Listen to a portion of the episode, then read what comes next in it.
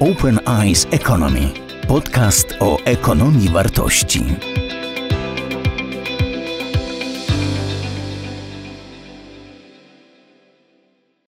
Dzień dobry Państwu.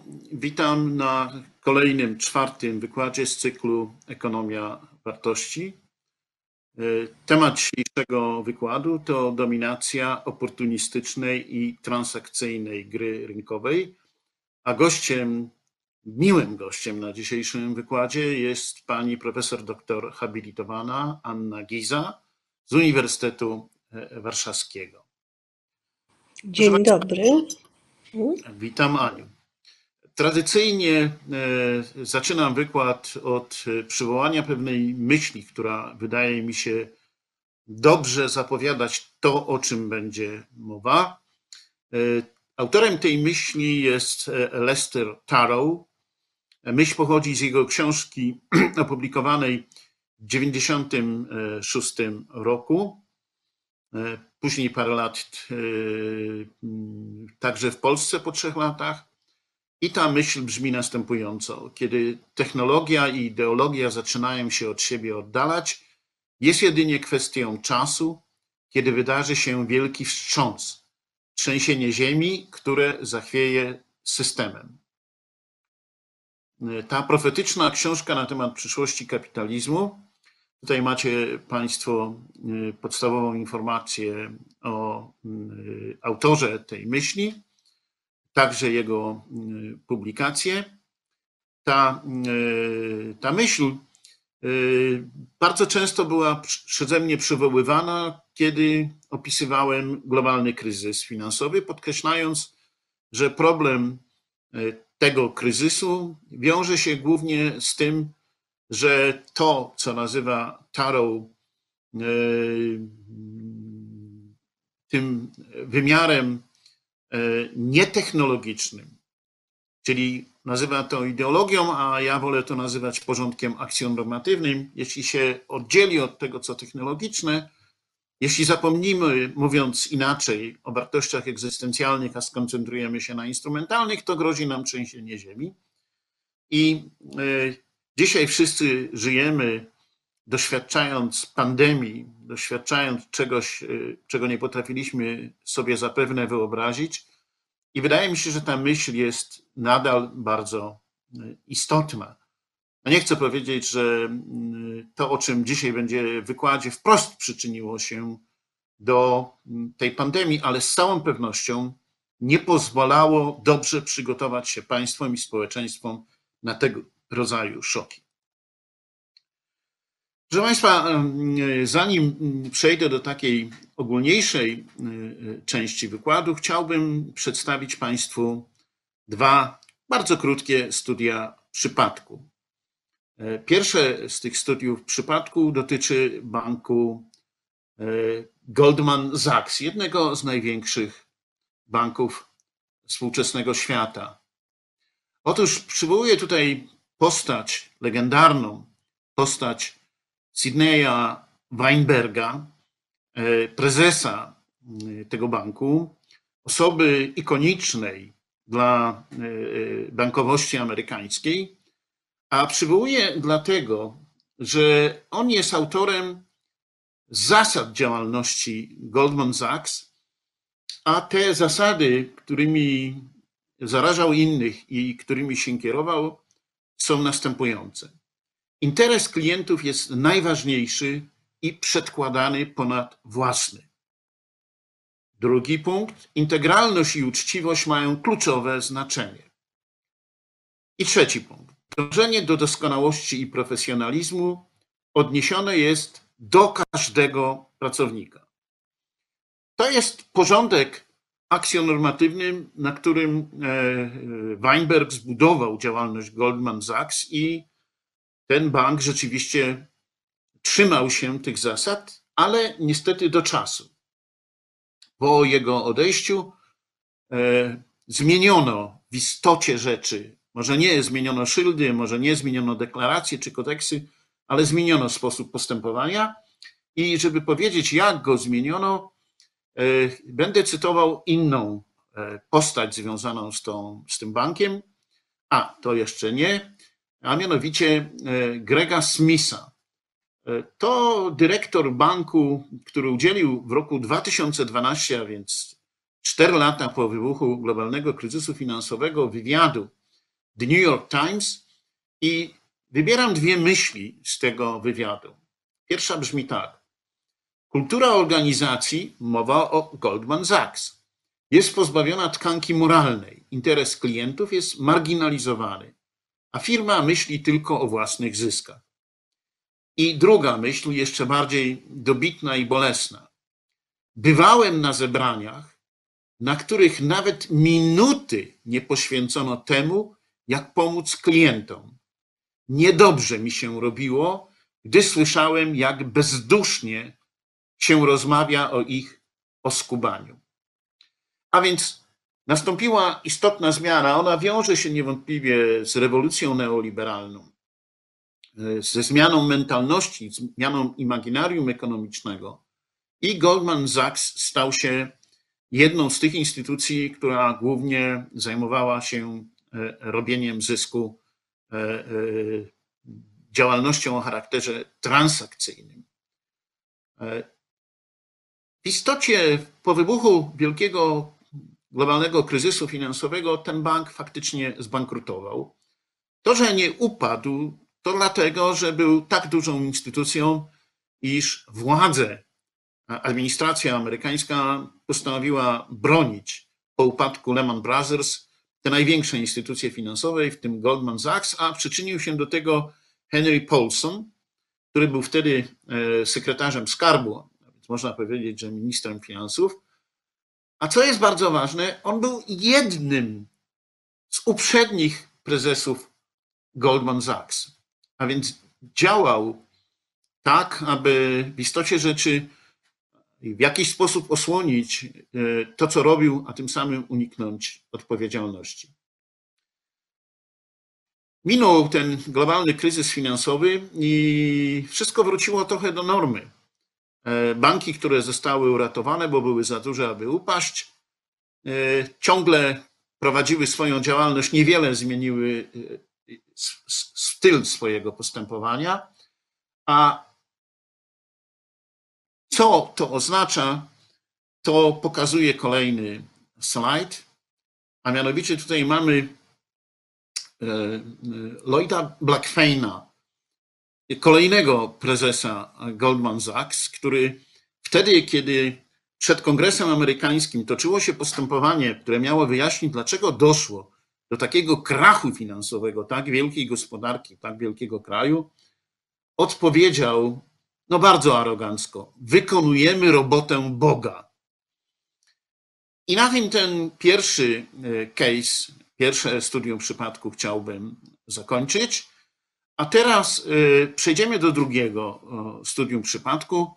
On dotyczy y, innej organizacji gospodarczej amerykańskiej, wielkiej korporacji Enronu. Bardzo proszę o krótki, około czterominutowy film, który został e, stworzony na zasadzie fragmentów znacznie większego filmu dokumentalnego. Całość jest bardzo długa, blisko dwugodzinna, ale ja wybrałem cztery minuty, które dobitnie pokazują, pokazują jak, na czym polegała działalność Enronu e, i jakie skutki przynosiła. Bardzo proszę o oglądnięcie tej projekcji. W ciągu 16 lat firma Enron wypracowała majątek wartości 65 miliardów dolarów. Splajtowała w 24 dni. Przyczyną upadku Enronu była pycha, arogancja, nietolerancja i chciwość.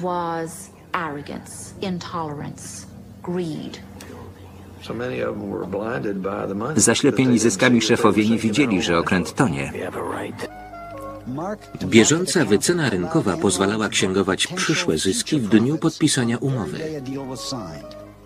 Nawet jeśli rzeczywiste wpływy były znikome, na papierze księgowy wpisywał, co chciał. Bardzo subiektywna metoda i podatna na manipulację. Enron stwierdzał, że za 10 lat sprzeda gaz za pewną sumę.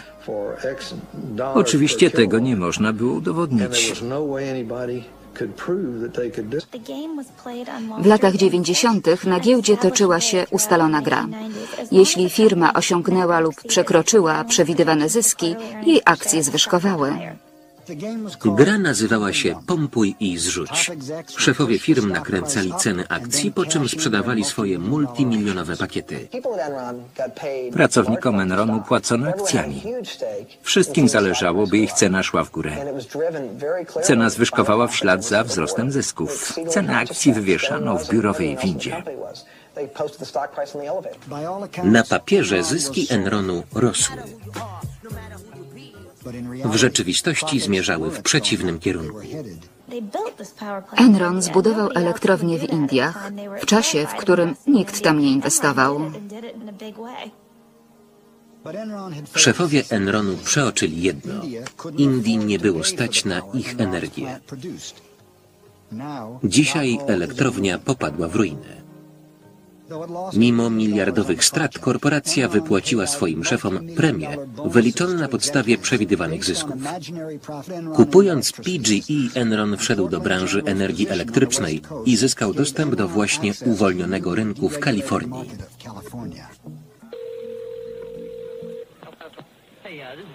Tu David z Enronu.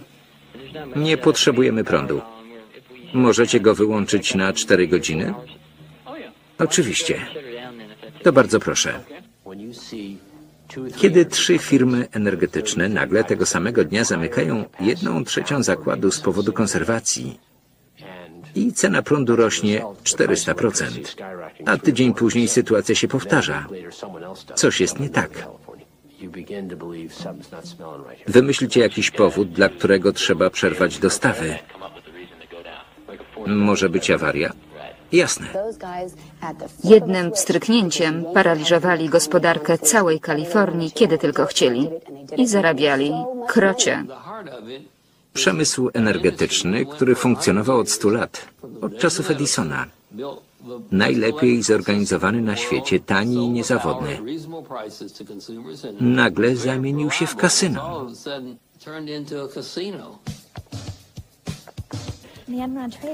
Brokerzy nie zastanawiali się, czy postępują etycznie, czy przyniosą firmie korzyść w dłuższym terminie, czy rozgrabienie Kalifornii może osiągnąć deregulację w całym kraju. Szukali kruczków prawnych, żeby zarobić na nieszczęściu jednego stanu. Temperatura w Kalifornii zbliża się do 40 stopni. Szaleją pożary.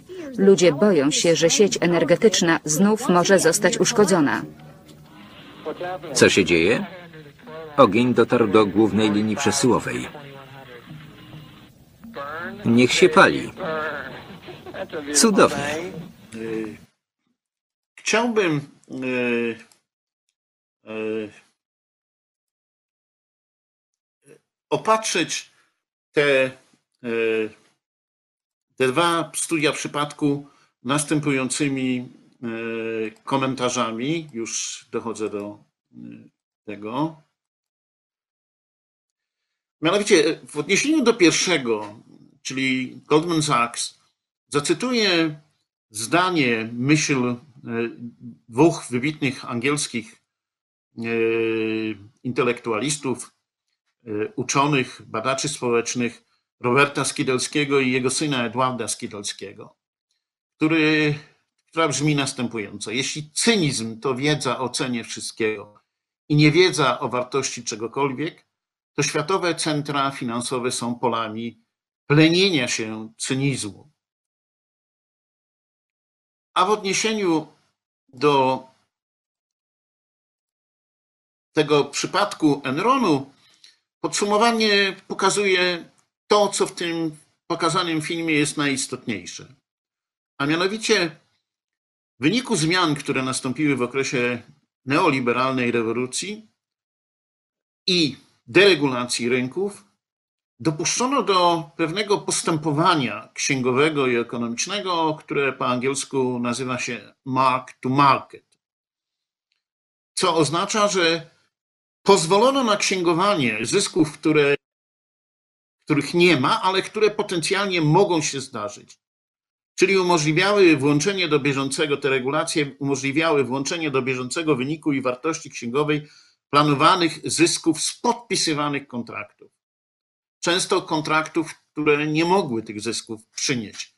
No to był skrajny przykład twórczej e, k- rachunkowości, creative accounting, który oczywiście windował akcje tych spółek i jednocześnie bardzo wysokie premie ich zarządów, także pracowników. Natomiast konsekwencja dopuszczenia takich regulacji, a także deregulacji rynku energetycznego, doprowadziła do dramatycznego kryzysu energetycznego w Kalifornii, najbogatszym stanie Stanów Zjednoczonych Ameryki, ósmej gospodarki świata, która absolutnie ten kryzys był spowodowany działaniem Enronu, zorientowanym wyłącznie na osiąganie e, wysokiej wartości akcji spółki i wysokich e, dochodów wynikających z wartości tych akcji. Proszę Państwa, to wszystko, co powiedziałem dotychczas, chcę skomentować dodatkowo następująco. Chcę pokazać kilka sposobów rozumienia tego, z czym mamy do czynienia. Kilka sposobów interpretowania tego, co opisują te dwa e, przypadki. Pierwsza myśl wywodzi się z pracy kardynała Reinharda Marksa, który był wtedy, gdy ta książka powstała, przewodniczącym e, Kościoła Rzymskokatolickiego w Niemczech, przewodniczącym episkopatu w Niemczech, która brzmi tak: Kapitalizm bez człowieczeństwa, solidarności i sprawiedliwości jest niemoralny i nie ma przed sobą przyszłości. A to myśl kogoś, kto może się wydawać jest z innego świata. To profesor Klaus Schwab, założyciel Między Światowego Forum Ekonomicznego w Davos, który w pracy na temat czwartej rewolucji e, przemysłowej, która ukazała się e, w zeszłym roku, napisał: Rozpowszechniona korupcja, krótkoterminowość i nierówna dystrybucja korzyści z wzrostu prowadzą do przekonania, że kapitalistyczny model gospodarczy nie służy ludziom. Jakby inna jest motywacja, inne jest osadzenie myśli, ale myśl jest w istocie rzeczy podobna. E, To Międzynarodowe Forum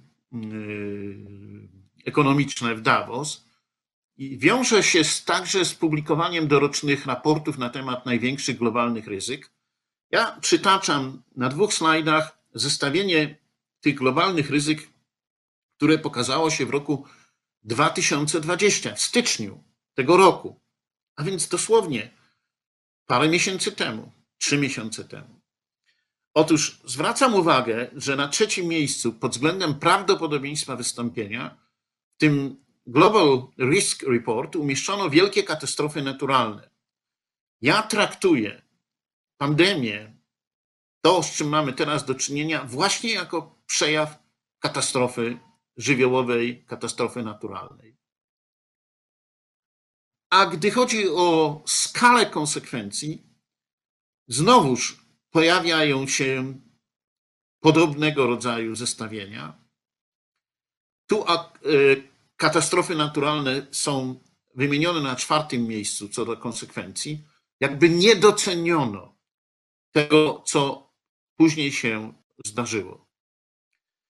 I autorzy tych raportów z interpretacji uzyskanych wyników często podkreślają, że te zjawiska, te wielkie globalne ryzyka wynikają z funkcjonowania rynkowego kapitalizmu, że dotyczą zarówno ekonomii, gospodarki, sfery społecznej, jak i politycznej. I jeśli chcemy temu zapobiec, to potrzebujemy więcej solidarności, a przede wszystkim kształtowania długofalowego myślenia o rynku, przy czym czwarta rewolucja przemysłowa te zmiany technologiczne, które w tej chwili obserwujemy, stworzą nam nowe możliwości, ale też wywołują, wywołają nowe zagrożenia. Dlaczego autorzy y, tego rodzaju raportów podkreślają potrzebę długoterminowego myślenia o rynku? Ponieważ w istocie rzeczy obecny model gospodarki rynkowej, to co nazywają rynkowym kapitalizmem, da się opisać jako kapital, kapitalizm kwartalny. W tym modelu gospodarki rynkowej dominuje krótkookresowa orientacja. A jeśli orientacja jest krótkookresowa, to zarazem mamy do czynienia z koncentracją na tym, co tu i teraz. Nie patrzymy dalej, ale też nie patrzymy szerzej. Że w istocie rzeczy myślenie o wartości zostało zrównane z zyskiem. Wartościowe jest tylko to, co jest opłacalne. Coś, co może podlegać transakcji, wymianie. Aby wzmocnić ten przekaz, chcę pokazać dwie postacie wielkich, wielkie postacie światowego biznesu, globalnego biznesu. Jeff Immelt, szef General Electric, który mówi: Zasadniczo nie jesteśmy przywiązani do niczego, co miałoby roczny horyzont. Sedno w tym, że w erze cyfrowej odczekanie roku, aby coś się zadziało, jest dziwactwem. To określenie kwartalny kapitalizm dokładnie oddaje to, o co chodzi Jeffowi i Meltowi. Nie myślimy w kategoriach roku. Dla nas liczy się kwartał, a w istocie rzeczy jeszcze krótsza perspektywa. Działamy globalnie. Nasza gospodarka ma mieć przestrzenną ekspansję, ale ma być bardzo skoncentrowana co do czasu. Ma po prostu funkcjonować, kręcić się jak najszybciej. A na glebie takiego myślenia wyrosła wielka organizacja, jaką jest Amazon, a szef tej organizacji dzisiaj dla wielu guru biznesu mówi tak: Twoja marża to moja szansa. Ja się nie muszę wysilać, żeby wymyślać coś kompletnie nowego. Ja chcę mieć taką organizację, która jeśli dostrzeże, że ktoś ma wysoką marżę zysku, to będzie musiał się ze mną podzielić, bo albo się ze mną porozumie, albo ja go do tego zmuszę. Po prostu chcę mieć taką przewagę kapitałową, taką przewagę technologiczną, że nikt mi nie będzie mógł e, odmawiać, nikt nie będzie mógł działać samodzielnie. To wszystko pokazuje, że gospodarka rynkowa, rynkowy kapitalizm charakteryzuje się orientacją na krótki okres, na myślenie wyłącznie o transakcjach i Istota tej gospodarki polega na wykorzystywaniu wszystkich możliwych okazji do tego, żeby windować zysk, po to, by jak najwięcej zarobić. Nic innego się nie liczy. The business of business is business, co oznacza nieważne co robię, ważne czy zarobię. To także oznacza, że firmy są tak organizowane, aby jak najbardziej elastycznie wykorzystywać te możliwości. Kim jest prezes wielkiego banku w tego typu gospodarce? Poganiaczem sprzedawców. Czym zajmuje się wielki bank w tego rodzaju gospodarce? Przede wszystkim zajmuje się dokonywaniem transakcji. Najważniejszą rolę w bankach odgrywają ci, którzy są traderami, którzy po prostu dokonują operacji na rynkach finansowych. Tak jak w Enronie brokerzy, którzy po prostu handlują energią. To jest gospodarka oportunistyczna. I dlatego tytuł tego wykładu brzmi tak, jak powiedziałem. A mianowicie liczy się tylko tu i teraz. Liczy się tylko opłacalność, liczy się transakcje i możliwość skorzystania z okazji. Ten slajd pokazuje, jak wygląda pole grawitacyjne takiej gospodarki. To jest takie pole, w którym na pozór jest bardzo wiele graczy i bardzo wiele różnych transakcji dokonuje się. nieobliczalna, niepoliczalna liczba transakcji, ale w wyniku tej gry najwięksi stają się coraz więksi, a mali są stopniowo uzależniani, spychani do nisz gospodarczych. Gospodarka bardzo ma silną, taka gospodarka silną tendencję do monopolizowania, do tworzenia organizacji o coraz większej skali. Proszę Państwa, na tym moja pierwsza część wykładu się kończy, a teraz chciałem poprosić o e, przedstawienie przez panią profesor Annę Gizę Poleszczuk e, jej prezentacji, która dotyczy marketingu, historii, ewolucji marketingu, a została stworzona na podstawie znakomitej książki pani profesor, którą gorąco Państwu polecam. Aniu, the floor is yours. E, Możecie Państwo być zaskoczeni tym, że będę opowiadała o marketingu, ale to dlatego, że e, czego na tym slajdzie nie widać, przez 11 lat e, pracowałam w dużej korporacji międzynarodowej w romantycznych czasach budowy rynku w Polsce i miałam okazję obserwować niejako od środka i od wewnątrz, jak marketing działa. Chciałam zacząć od takiej uwagi, że marketing wciąż wydaje nam się romantyczny. E, Spojrzałam dzisiaj na stronę, e, która e, kom- ku- kumuluje ofertę uczelni dotyczącą studiowania, i tam znalazłam nadal gorącą zachętę do studiowania marketingu. e, I było napisane na tej stronie, że współcześnie światowe rynki opierają się na działaniach marketingowych i dlatego jest to branża o nieograniczonym zasięgu, jest nieoceniona i jej znaczenie jest ogromne. Myślę, że marketingu bardzo często nie doceniamy. I dlatego warto mu się bliżej przyjrzeć, choćby dlatego, że jak to sprawdzałam dla roku 2016, wydatki na działania marketingowe w Polsce były tylko nieco niższe o kilka milionów od całego budżetu, jaki państwo przeznacza na naukę. Warto zatem e, zobaczyć, przyjrzeć się, skąd się marketing wziął i jak się rozwijał, oraz jakie uruchomił siły, które teraz bardzo często obracają się przeciwko niemu.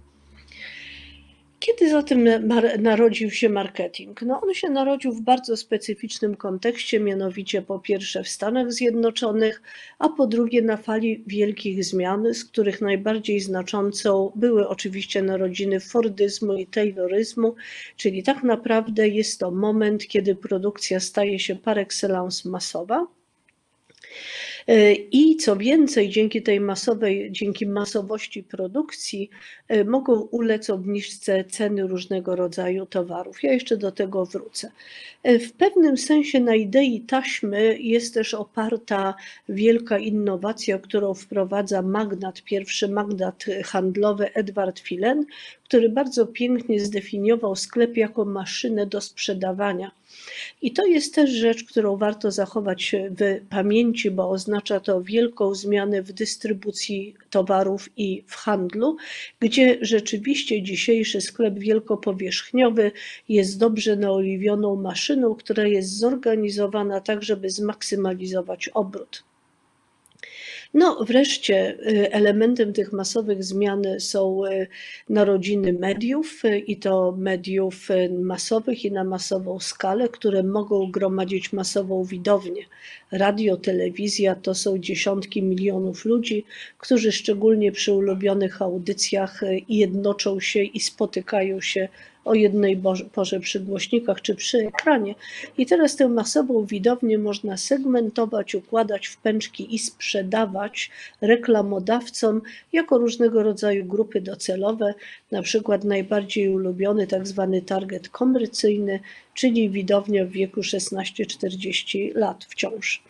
No i wreszcie jest to również dziecko forsownej postępującej urbanizacji, czyli e, pojawiania się wielkich metropolii, e, w których, jak to pięknie zatytułował czy nazwał David Riesman, socjolog, coraz bardziej staje się samotnym tłumem, czyli ludźmi wykorzenionymi z takich, powiedziałabym, intymnych, codziennych, niewielkich społeczności i relacji. Więc jest to wielka zmiana i co więcej, ona się dokonuje w Stanach Zjednoczonych. To w Stanach Zjednoczonych po raz pierwszy spotykają się w jednym momencie właśnie ci kluczowi aktorzy, czyli producenci, którzy mogą bardzo dużo produkować standardowych rzeczy, wielkie sieci dystrybucyjne i sklepy, które mogą masowo te towary sprzedawać, masowe media, które mogą o nim masowej widowni opowiadać, no i wreszcie ludzie, którzy coraz bardziej są pozbawieni relacji z tradycją. Ale to jest nie tylko to. Stany Zjednoczone są również szczególnym miejscem dlatego, że właśnie tam ukształtowała się specyficzna kultura demokracji i biznesu, być może dlatego, że Stany Zjednoczone, jak wiemy, są krajem imigrantów. I to spowodowało, że to, jak myślą i jak działają w biznesie i w demokracji, było od razu bardzo szczególne, a dodatkowo I wojna światowa pomogła Stanom Zjednoczonym zbudować podwaliny e, hegemonii gospodarczej, czyli naprawdę wielką dominację w skali świata. Tam właśnie rodzi się marketing. On się rodzi jako odpowiedź e, w zasadzie na dwa wielkie wyzwania. Pierwsze wyzwanie brzmi tak: jak przekierować strumień towarów od producenta do konsumenta? To jest pierwsza definicja marketingu, którą przyjęło amerykańskie Stowarzyszenie Marketingu. Co to znaczy przekierować strumień towarów od producenta do konsumenta? No, on się musi znaleźć na półce, następnie musi się znaleźć w koszyku, a następnie musi zostać możliwie szybko zużyty, jeżeli to jest tak zwany fast moving consumer goods, ale nawet y, samochody i lodówki też y, z biegiem czasu, żeby konsument mógł ponowić zakup. Innymi słowy, no pierwsze wielkie wyzwanie to jest takie, żeby te rosnące masy towarów sprzedać. Ale żeby te rosnące masy towaru sprzedać, trzeba człowieka przekształcić w konsumenta. I to jest naprawdę nietrywialne i bardzo duże zadanie, e, ponieważ zwróćmy uwagę, że konsument jest takim szalenie aspektowym i wąskim spojrzeniem na człowieka. Z punktu widzenia producenta piwa, to człowiek jest zredukowany do okazji picia piwa, a z punktu widzenia sprzedawcy proszków do prania, człowiek jest zredukowany do e, swojej łazienki, w której stawia czoła rosnącej górze brudnych rzeczy do uprania. Y, co więcej, po, po drugie, to jest tak, że konsumpcja przez bardzo wiele stuleci była naznaczona moralnie i etycznie. E, dla pokolenia mojej babci i pewnie jeszcze dla mojego pokolenia w dużej mierze jest rzeczą nie do pomyślenia, żeby dobrą rzecz wyrzucić, a co więcej, przedmioty się szanuje i przedmioty niosą w sobie pewne wspomnienia i pewne ładunki emocjonalne związane z historią rodzinną, ale nie tylko. Więc, żeby przekształcić człowieka w konsumenta, po pierwsze trzeba mu uświadomić, że on ma potrzeby. Po drugie, trzeba zalegitymizować ich zaspokojanie, zaspokajanie, co też jest nietrywialnym zadaniem, ponieważ ludzie przez całe wieki byli trenowani w tym, żeby raczej swoje potrzeby mieć pod kontrolą, prawda? No to się mówiło, że na przykład, nie wiem, jesteś za młody albo nie masz dobrego gustu, żeby nie powinieneś tego mieć, bo jeszcze e, nie masz wykształconych e, różnych e, sposobów radzenia sobie z rzeczywistością. Więc nie jest rzeczą trywialną, żeby powiedzieć człowiekowi: Masz prawo zaspokajać swoje potrzeby, czy nawet swoje zachcianki. No i wreszcie, po trzecie, trzeba było wszystkim udostępnić wszystkie produkty. Udostępnić je cenowo, czyli mamy samochody w bardzo różnych klasach, mamy mydła w różnych klasach, mamy cały rynek posegmentowany na towary luksusowe i na towary, na które każdy może sobie pozwolić. Udostępnić je psychologicznie, udostępnić je też technologicznie i znowu to są bardzo ważne bariery. Do dzisiaj pamiętam, jak moja babcia broniła się przed automatyczną pralką, e, ponieważ dla niej odcięcie się od prania, czyli zamknięcie drzwiczek było e, wielkim wyzwaniem, ponieważ tak naprawdę pozbywała się wpływu na to, jak to pranie będzie się dokonywało. No ale nie chcę opowiadać anegdot, chcę tylko zwrócić uwagę na fakt, że wcale nie było łatwo przekształcić człowieka w konsumenta i to takiego konsumenta, no, który właśnie jak ma na coś ochotę i ma na to pieniądze i znajduje odpowiedni punkt cenowy, to po prostu sobie to kupuje.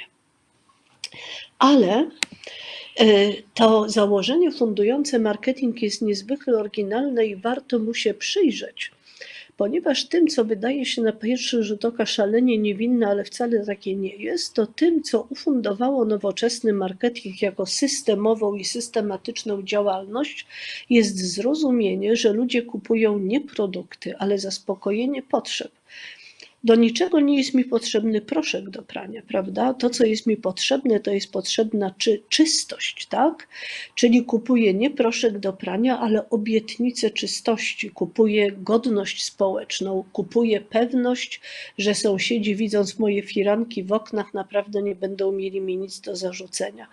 Nie kupuję benzyny, tylko kupuję wolność poruszania się i pewnie każdy z nas, kto prowadzi samochód, zna to takie nieprzyjemne uczucie, jak widzimy, że już się pojawia napis fill fuel i mamy wtedy takie poczucie, że nasze możliwości są ograniczone. Więc znowu nie kupujemy benzyny, tylko kupujemy przestrzeń, kupujemy wolność.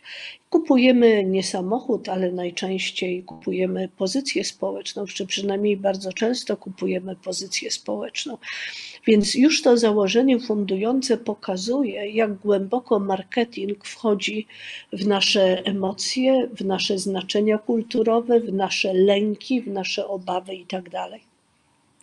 I z tego punktu widzenia, w związku z tym, produkt nie jest materialną rzeczą, tak? tylko produkt jest wiązką obietnic, jest wiązką wartości. Można by po rzeczy po, powiedzieć wiązką użyteczności, i cała sztuka polega na tym, żebym spojrzała na ten proszek do prania, żebym zobaczyła napis Midweitskraft, żebym zobaczyła takie malutkie krystaliczne drobinki, żebym od razu sobie pomyślała, tak, ten proszek dopierze wszystko do czysta.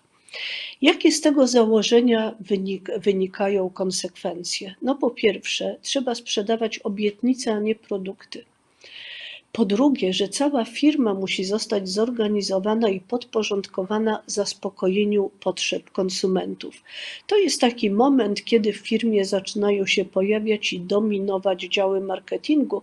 Do tej pory w firmach dominowały działy technologiczne i rządzili inżynierowie. Teraz zaczynają dominować marketingowcy. Po trzecie, i to jest chyba najważniejsze, jeśli chcemy sprzedawać, to nie należy wartościować potrzeb, czy też tym bardziej, broń Boże, nie należy starać się wychowywać konsumentów. Dobry marketingowiec nie powie, słuchaj, no różowy miś jest taki sobie, albo nie powie, wiesz co, no może to ten plastik niekoniecznie jest ci potrzebny, chcesz różowego misia, to my, my go ci możliwie tanio i możliwie szybko dostarczymy y, pod drzwi. Po trzecie wreszcie, y, marketing przynosi specyficzne przedefiniowanie pewnych fundamentalnych pojęć, dlatego mówiłam o Ameryce, demokracji biznesu i tak dalej. Otóż wolność oznacza możliwość wyboru, że mam kilka ofert rynkowych, spośród których można, mogę sobie wybrać to, co najbardziej mi odpowiada i jest najlepiej do mnie dopasowane. Demokracja oznacza poszanowanie preferencji, innymi słowy, wprowadzamy w życie coś w rodzaju demokracji konsumpcji, prawda? Każdy może mieć i każdy może mieć to, co preferuje. Po trzecie wreszcie, i to jest bardzo istotne, równość zaczyna być definiowana w kategoriach dostępności do konsumpcji, a ta konsumpcja jest mierzona dochodem rozporządzalnym i stanem posiadania. Bardzo jest ciekawa historia pierwszych międzynarodowych porównawczych badań jakości życia, które notabene sfinansowali Henry Ford i Edward Phelan, co bardzo dużo mówi. I to były bardzo ciekawe kontrowersje, ponieważ Europejczycy nie potrafili zrozumieć, dlaczego nowy surdut ma być lepszy od przenicowanego surduta i dlaczego jakość życia ma być mierzona tym, co możemy sobie kupić, pomijając inne wartości, jak na przykład to, czy jesteśmy sami, czy mamy przyjaciół, albo czy mamy udane dzieci i tak dalej. Więc chcę powiedzieć, że wbrew temu pozorowi, takiemu bardzo zgrzebnemu, to założenie fundujące marketing jest bardzo brzemienne w skutki, ponieważ tak naprawdę ono wprowadza wielkie przyzwolenie na e, różne e, nasze do tej pory e, społecznie wartościowane czy społecznie kontrolowane zachcianki. I chcę powiedzieć, że w roku 1916 prezydent Woodrow Wilson odwiedził pierwszy kongres sprzedaży, pierwszy kongres salesmenów to był moment, kiedy Stany Zjednoczone rozważały, czy przystąpić do wojny, czy też nie przystępować do I wojny światowej i nadal, że tak się wyrażę, e, budować swoją pozycję handlową i kredytową. I tam e, Wilson w swoim dość długim przedstawieniu opowiada właśnie o demokracji biznesu, e, o tym, że przewaga amerykańskich towarów polega na tym, że one dają ludziom to, czego oni naprawdę chcą, a nie to, co my uważamy, że oni powinni chcieć. I kończy swoje przemówienie nieomalże biblijnym wezwaniem, które brzmi tak: Niech wasza myśl i wasza wyobraźnia przekroczą granice i ogarną cały świat. Niech Was inspiruje pamięć o tym, że jako Amerykanie jesteście powołani do krzewienia wolności, sprawiedliwości i zasad humanitaryzmu wszędzie, dokądkolwiek się udajecie. Kierując się tą inspiracją, idźcie i sprzedawajcie dobra, które uczynią świat szczęśliwszym i przyjemniejszym, i w ten właśnie sposób nawracajcie wszystkich na amerykańskie wartości. E, to jest e, niezwykle poruszające wezwanie, ale które też jest zapowiedzią tego zwycięstwa, które amerykańskie towary rzeczywiście zaczną w Europie, w Europie odnosić. Na przykład hollywoodzkie filmy które zaczynają wygrywać z ambitnym kinem europejskim. Nie wspomnę już o nylonowych pończokach i Coca-Coli, ponieważ rzeczywiście one czynią świat szczęśliwszym i przyjemniejszym, tym bardziej, że jak być może e, Państwo wiecie, amerykańskie filmy są testowane i zmienia im się zakończenie tak, żeby ludzie się poczuli szczęśliwsi. E, w ten sposób zostało też zmienione zakończenie na przykład Pretty Woman, które stało się kolejnym wcieleniem mitu o Kopciuszku, który spotyka księcia. Więc zwróćmy uwagę, że e, w tym przemówieniu Woodrowa Wilsona widać, że marketing jest czymś znacznie więcej niż po prostu strategią sprzedaży. I marketing powołuje też do życia potężny ekosystem, bo jeżeli mamy zaspokajać potrzeby konsumentów, to po pierwsze musimy je znać. Więc marketing powołuje do życia agencje badawcze, instytuty badawcze, domy mediowe, które mierzą nasze spożycie, że tak się wyrażę, y, telewizji, radia, internetu i różnych innych rzeczy. Agencje konsultingowe i agencje strategiczne, które doradzają marketingowi, co właściwie mają robić i tak dalej, i tak dalej. No i to jest niezwykle potężny i rosnący segment, y, który w roku 2018 y, zgodnie z danymi w skali świata przekroczył, i mówię tutaj tylko i wyłącznie o agencjach badawczych, bez Deloitte i innych agencji konsultingowych, jego wartość, jak Państwo widzicie, przekroczyła no wiele dziesiątków miliardów dolarów.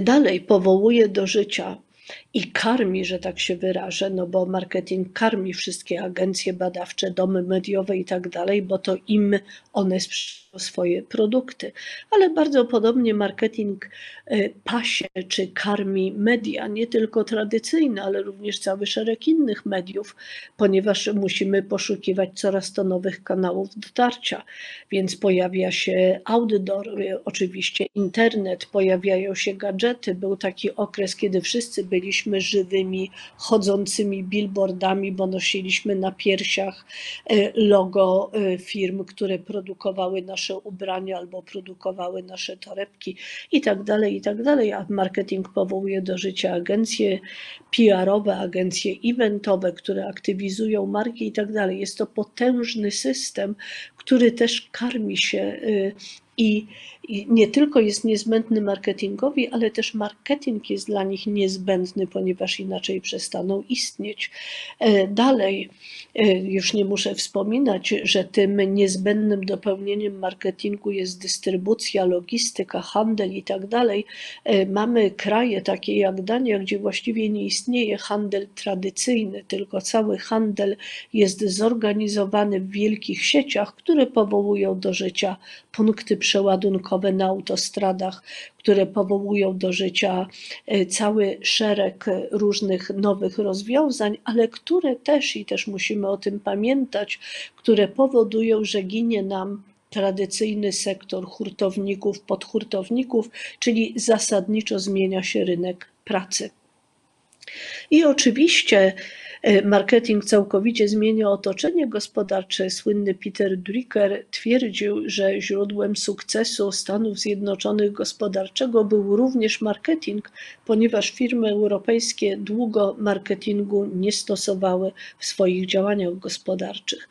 Ale w tym otoczeniu gospodarczym, e, które zaczyna się rządzić swoistymi sprawa, prawami, bardzo istotny jest e, kontekst globalny. E, mianowicie kontekst rynków finansowych. Sama pamiętam ten moment, o którym wspominał profesor Hausner, e, kiedy rynkom finansowym udało się wymusić na międzynarodowych korporacjach przejście na kwartalne rozliczenia. To całkowicie zmieniło e, strategie działania czy też taktyki y, wielkich międzynarodowych korporacji, tym bardziej, że rynki finansowe były wówczas i pewnie są do dzisiaj, chociaż tego już nie wiem, owładnięte y, obsesją wzrostu, więc trzeba było pokazywać wzrost, obiecywać wzrost i tak dalej. Dlaczego o tym mówię? Dlatego, że ten potężny ekosystem, który liczy się w bilionach dolarów, jest współzależny z marketingiem i jak coś marketingowi, e, coś z marketingiem się dzieje, to oczywiście również to się dzieje, czy z marketingiem, czy z markami, to to uderza w cały ten ekosystem, więc to jest też szereg potężnych aktorów, w których interesie leży podtrzymywanie marketingu, nawet jeżeli e, wszyscy już widzimy, że ma to coraz mniejszy sens. I z tym ekosystemem e, e, natychmiast zaczyna się pojawiać szereg sprzężeń zwrotnych, więc można powiedzieć, że marketing jest dzieckiem wielkich zmian, ale i sam stał się potężnym czynnikiem zmiany i wspólnie z tymi aktorami, których powołał do życia, e, wchodzi w taką rozkręcającą się spiralę. I chcę podać parę przykładów, już nie, y, nie podając danych. No po pierwsze, wszyscy wiemy, że rozrost mediów jest prostą konsekwencją inwestycji w reklamę i komunikację. Poza mediami publicznymi, a i to nie wszędzie, wszystkie media utrzymują się właśnie z reklam, ze sprzedaży targetów, że tak się wyrażę, czyli ze sprzedaży dostępu do y, potencjalnych konsumentów. Innymi słowy, marketing media karmi, to powoduje, że media się rozrastają, jest ich coraz więcej. W związku z tym to powoduje wzrost kosztów dotarcia do odbiorców. Znowu, żeby podać prosty przykład, który Państwu uświadomi, o czym mówię. Kiedy marketing zaczął swoje działania w Polsce, to mieliśmy wtedy tylko TVP1 i TVP2, które zresztą nie nadawało przez cały tydzień w, w, sposób ciągły. Wszyscy oglądali wiadomości, czy też jeszcze wcześniej dziennik. I ulokowanie reklamy między wiadomościami a prognozą pogody powodowało natychmiastowe dotarcie do co najmniej 20 milionów odbiorców. Więc jeden strzał, jedna inwestycja i mamy to. Natomiast dzisiaj, żeby dotrzeć do 20 milionów odbiorców, trzeba zainwestować w komunikację i w reklamę w wielu różnych mediach, i to oczywiście dużo więcej kosztuje. Więc trzeba poszukiwać nowych kanałów dotarcia. Te nowe kanały dotarcia oczywiście też się natychmiast zapychają, więc poszukujemy nowych kanałów i tak dalej, i tak dalej.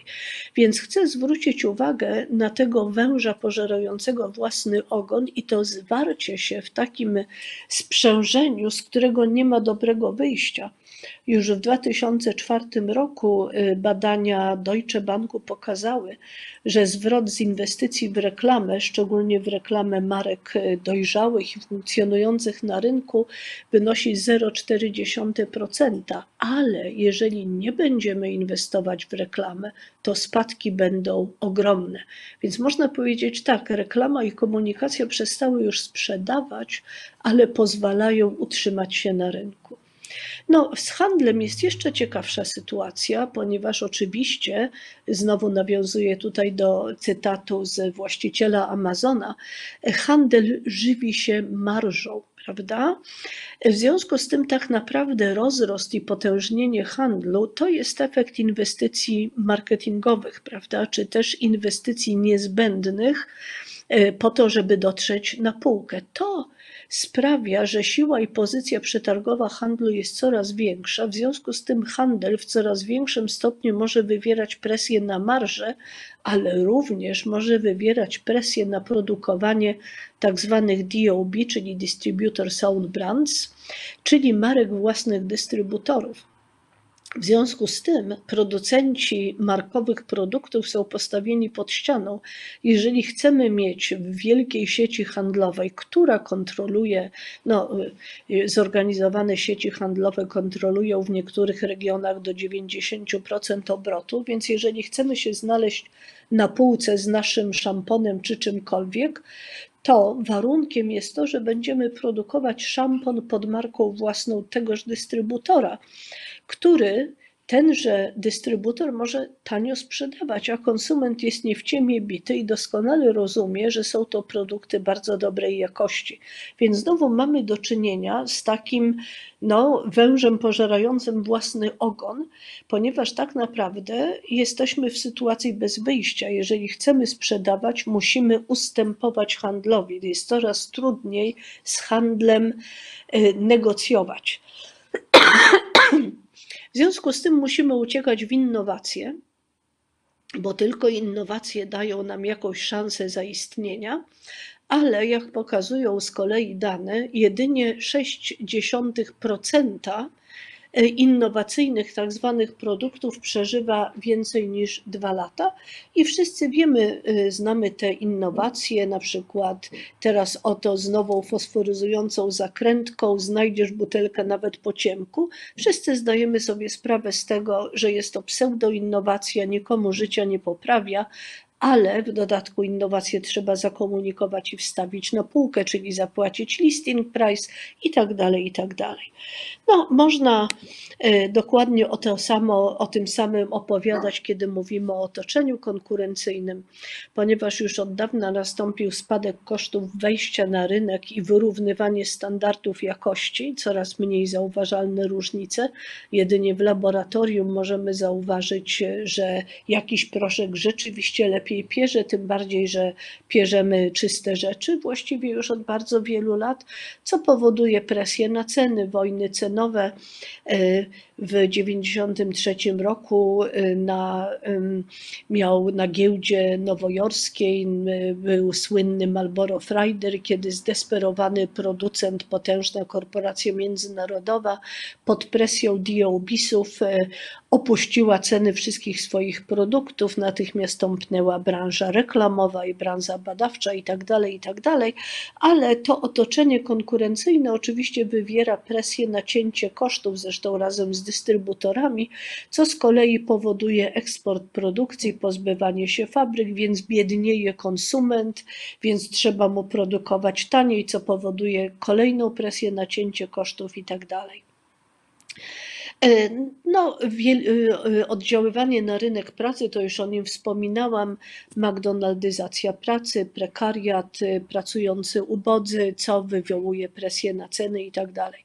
Więc chcę powiedzieć, że marketing y, wypuszcza gina z próbówki, e, ale wypuszcza go nie tylko dlatego, że uruchamia wszystkie te procesy w wielkiej skali, nad którymi nikt nie panuje i z, którego, z których nie ma dobrego wyjścia, bo każdy, kto teraz przestanie reklamować, no zapłaci ogromną cenę, być może w przyszłości wygra, ale jeżeli do tej przyszłości przeżyje. Ale nie tylko na tym rzecz polega. E, e, Rzecz polega oczywiście na tym, że ten ekosystem, którego jest częścią i którego rozrost napędza, uruchamia procesy, które są dla niego samobójcze, ale również powoduje dramatyczne odejście od tych pierwotnych romantycznych założeń, które jeszcze w pierwszym podręczniku e, opisywał Philip Kotler. Już w 1975 roku guru marketingu Jack Trout napisał, że istotą marketingu jest tak naprawdę wojna konkurencyjna, a jeżeli przy okazji zostaną zaspokojone potrzeby konsumentów, to wspaniale, ale nie to jest celem marketingu. A w 1994 inny guru Doyle stwierdził, że celem marketingu jest zwiększanie wartości dla akcjonariuszy, czyli zysk. Innymi słowy, to co się dzieje, jeżeli kiedykolwiek w ogóle tak było, to to, że potrzeby konsumentów stają się instrumentem, a nie celem. I właściwie dzisiaj możemy mówić o takim nowoczesnym proletariacie, czy ponowoczesnym proletariacie, którego rolą i istotą już nie jest produkowanie i cierpienie w fabryce, tylko konsumowanie, prawda? Już nie możesz, nie masz pieniędzy, masz gigantyczną nadwagę, ale po prostu musisz konsumować, dlatego że do tego niejako służysz na tym rynku, k- dla którego spadek konsumpcji jest po prostu y, absolutnie kluczowym i krytycznym założeniem. Więc widać też wyraźnie, jak ewoluuje marketing, jeśli chodzi o swoje zasady i o narzędzia. Zaczynał się marketing bardzo niewinnie, mianowicie zaczynał się od takiej. y, od takiej ery racjonalnej, od okresu racjonalnego. E, Ten okres racjonalny też mamy za sobą w Polsce.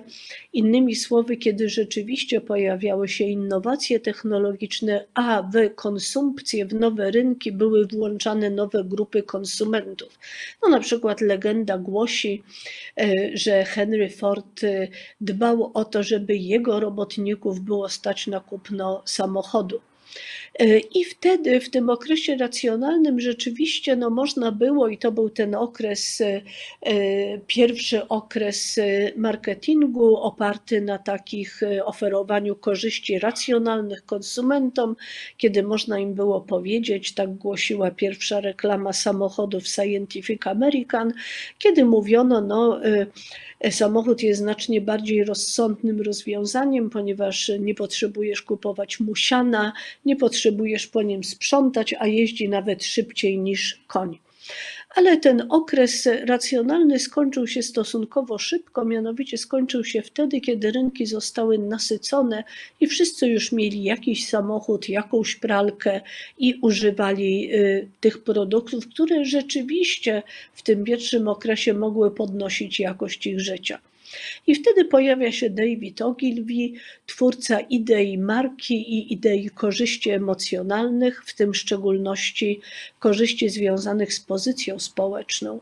No, innymi słowy, Wtedy zaczyna się budowanie marki nie na e, przekonywaniu o rzeczywistych korzyściach, które można odnieść, ale budowaniu marki w odniesieniu o to, że będziesz no, dotrzymywał kroku Kowalskiemu, że nie będziesz gorszy, e, że będziesz mógł się wyróżnić z tłumu, bo będziesz miał unikatowy, e, unikatowy produkt.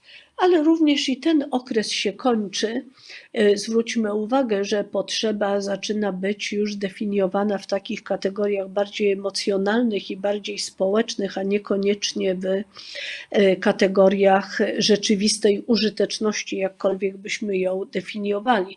Tu pojawia się Jack Trout, który który wprowadza zupełnie nowy pomysł, mianowicie mówi, no marketing nie polega na tym, co robisz z produktem, ale polega na tym, co robisz w głowie konsumenta. Innymi słowy, jak ustawisz sieć skojarzeń ze swoim produktem, jakie skrypty uruchomisz. E, Innymi słowy, e, to jest moment, kiedy marketing wkracza w stereotypy, w znaczenia kulturowe i zaczyna odnosić sukcesy właśnie dlatego, że bardziej sprawnie się nimi posługuje. Znowu, żeby podać e, przykład, który tego dowodzi, który pozwala zrozumieć, co jest, e, Jack Trout proponował, żeby nazwać margarynę nie margaryną, tylko masłem roślinnym. E, Podaję ten przykład, ponieważ w Polsce myśmy mieli masło roślinne, co świadczy tylko o genialności e, znaczy e, czasów gomułkowskich, bo wtedy margaryna została wprowadzona, właśnie została nazwana masłem roślinnym. I teraz dlaczego to jest ważne? Mianowicie, kiedy na podstawie badań jakościowych, kiedy mówimy masło roślinne, to ludzie mają wizję, bo się uruchamia sieć skojarzeń, mają takie wyobrażenie takiej drewnianej stągwi, do której wlewamy świeżutki olej, który wycisnęliśmy z ziaren słonecznika i siadamy i dopóty ubijamy ten olej, aż się pojawia taka świeżutka, e, takie świeżutkie, naprawdę wspaniałe masło roślinne.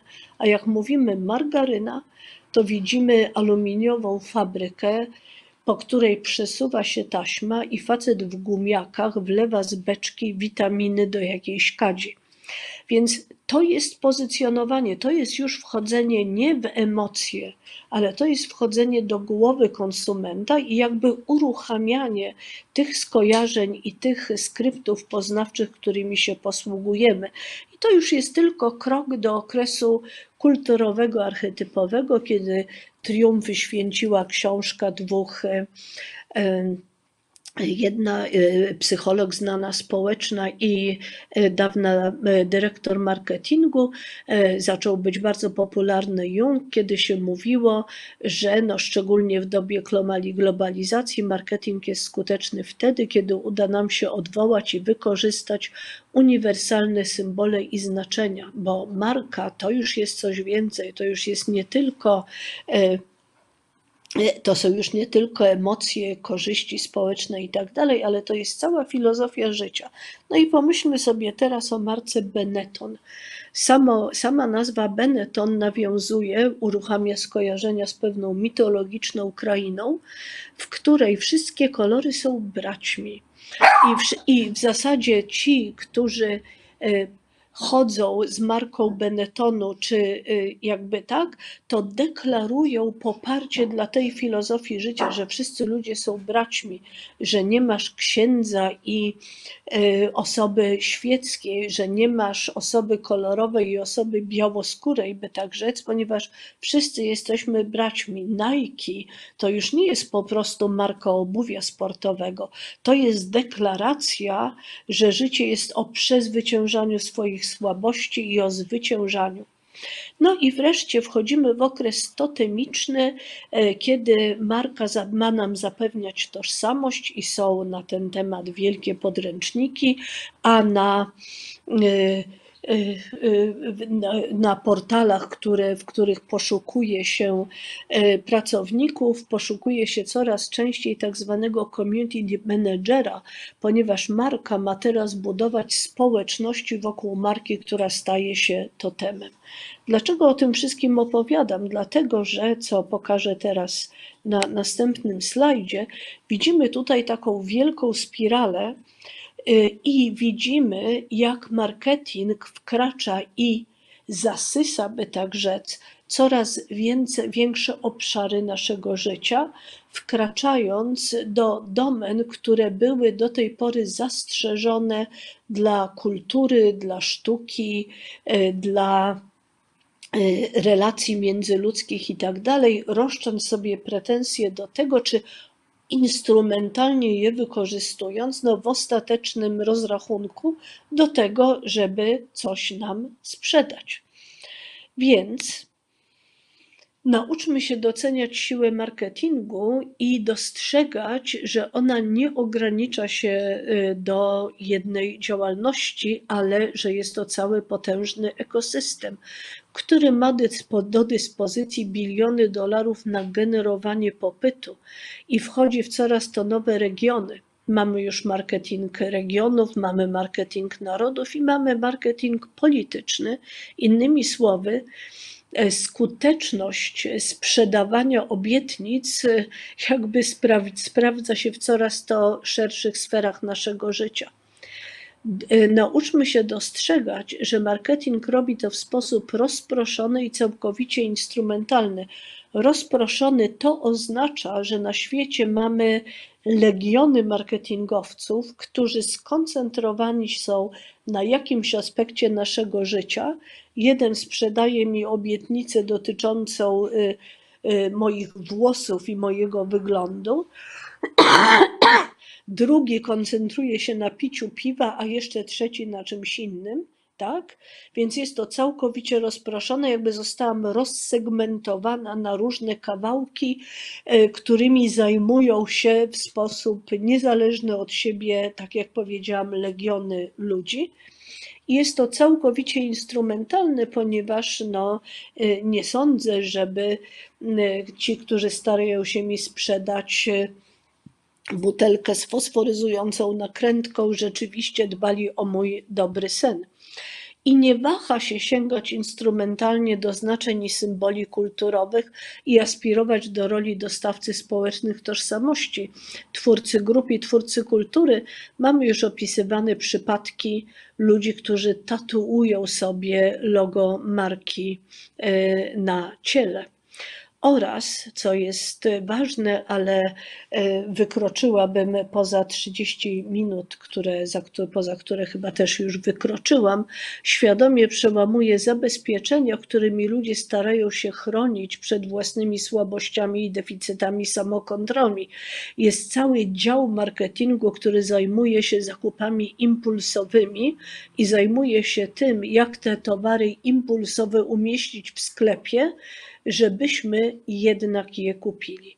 No i pytanie zasadnicze jest takie, czy jest możliwe wyjście z tej spirali, kiedy w jej istnienie, czy jakby korzyści z jej istnienia czerpią, czerpie cały potężny ekosystem, który y, y, no, y, pracuje nad tym, którego istnienie ekonomiczne jest od tego zależne, a poza tym ci pierwsi, którzy z tego wyjdą, niewątpliwie poniosą bardzo dotkliwe konsekwencje. Więc ja bym powiedziała tak, siła oportunizmu jest wielka i pytanie, jakie mamy narzędzia, e, żeby to przełamać.